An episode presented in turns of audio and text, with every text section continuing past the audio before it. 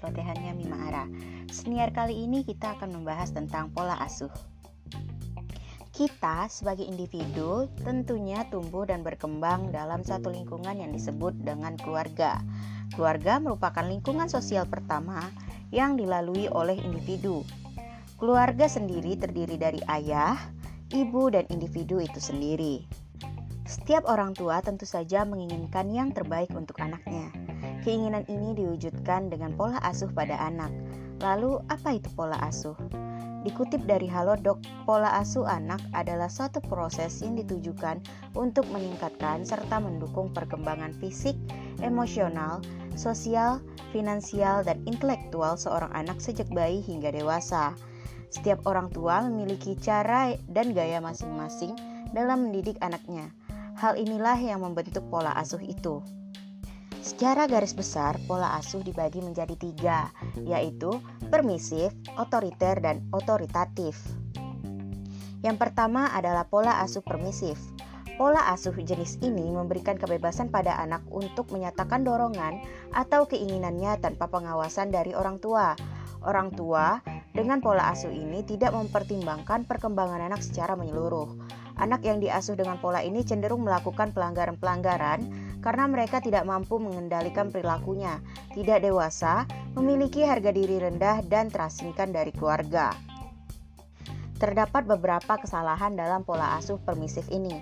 Yang pertama, memberikan anak banyak pilihan sehingga anak merasa kewalahan. Yang kedua, anak terlalu dimanjakan.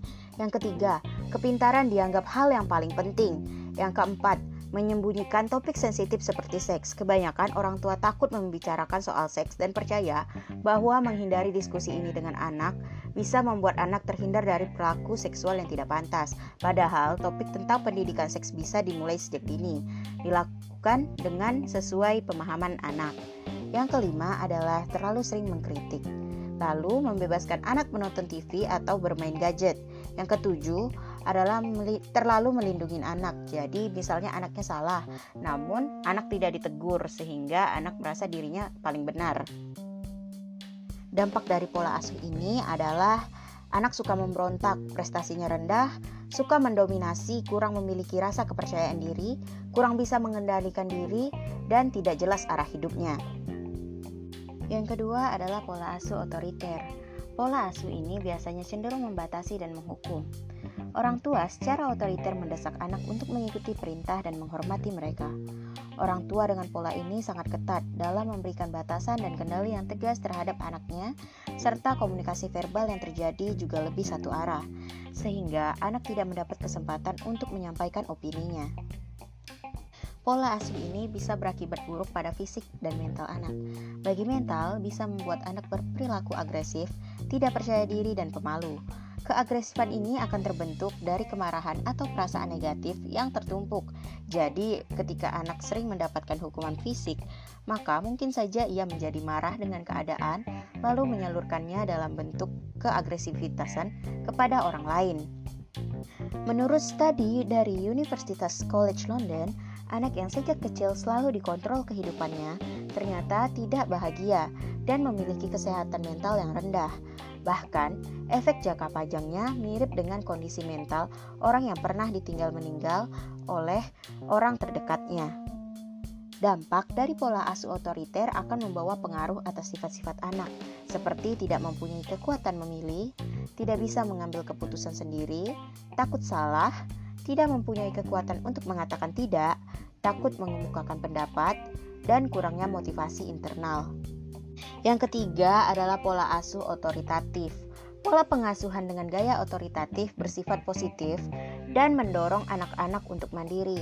Namun, orang tua tetap menetapkan batasan dan kendali atas tindakan mereka. Pola asuh ini tidak menggunakan kekerasan untuk menghukum anak. Orang tua melakukan komunikasi dua arah, sehingga anak dapat mendiskusikan apa yang ada di pikiran mereka. Anak yang diasuh dengan pola asuh ini akan terlihat lebih dewasa, mandiri, ceria, mampu mengendalikan diri, berorientasi pada prestasi, dan mampu mengatasi stresnya dengan baik. Pola asuh ini sangat disarankan untuk digunakan oleh para orang tua.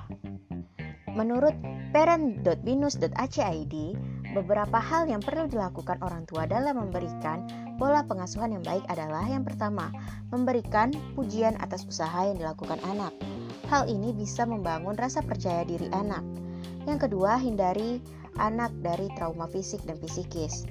Marah kepada anak atas kesalahan yang mereka lakukan adalah hal yang wajar, sebatas tujuannya adalah untuk mengajarkan anak.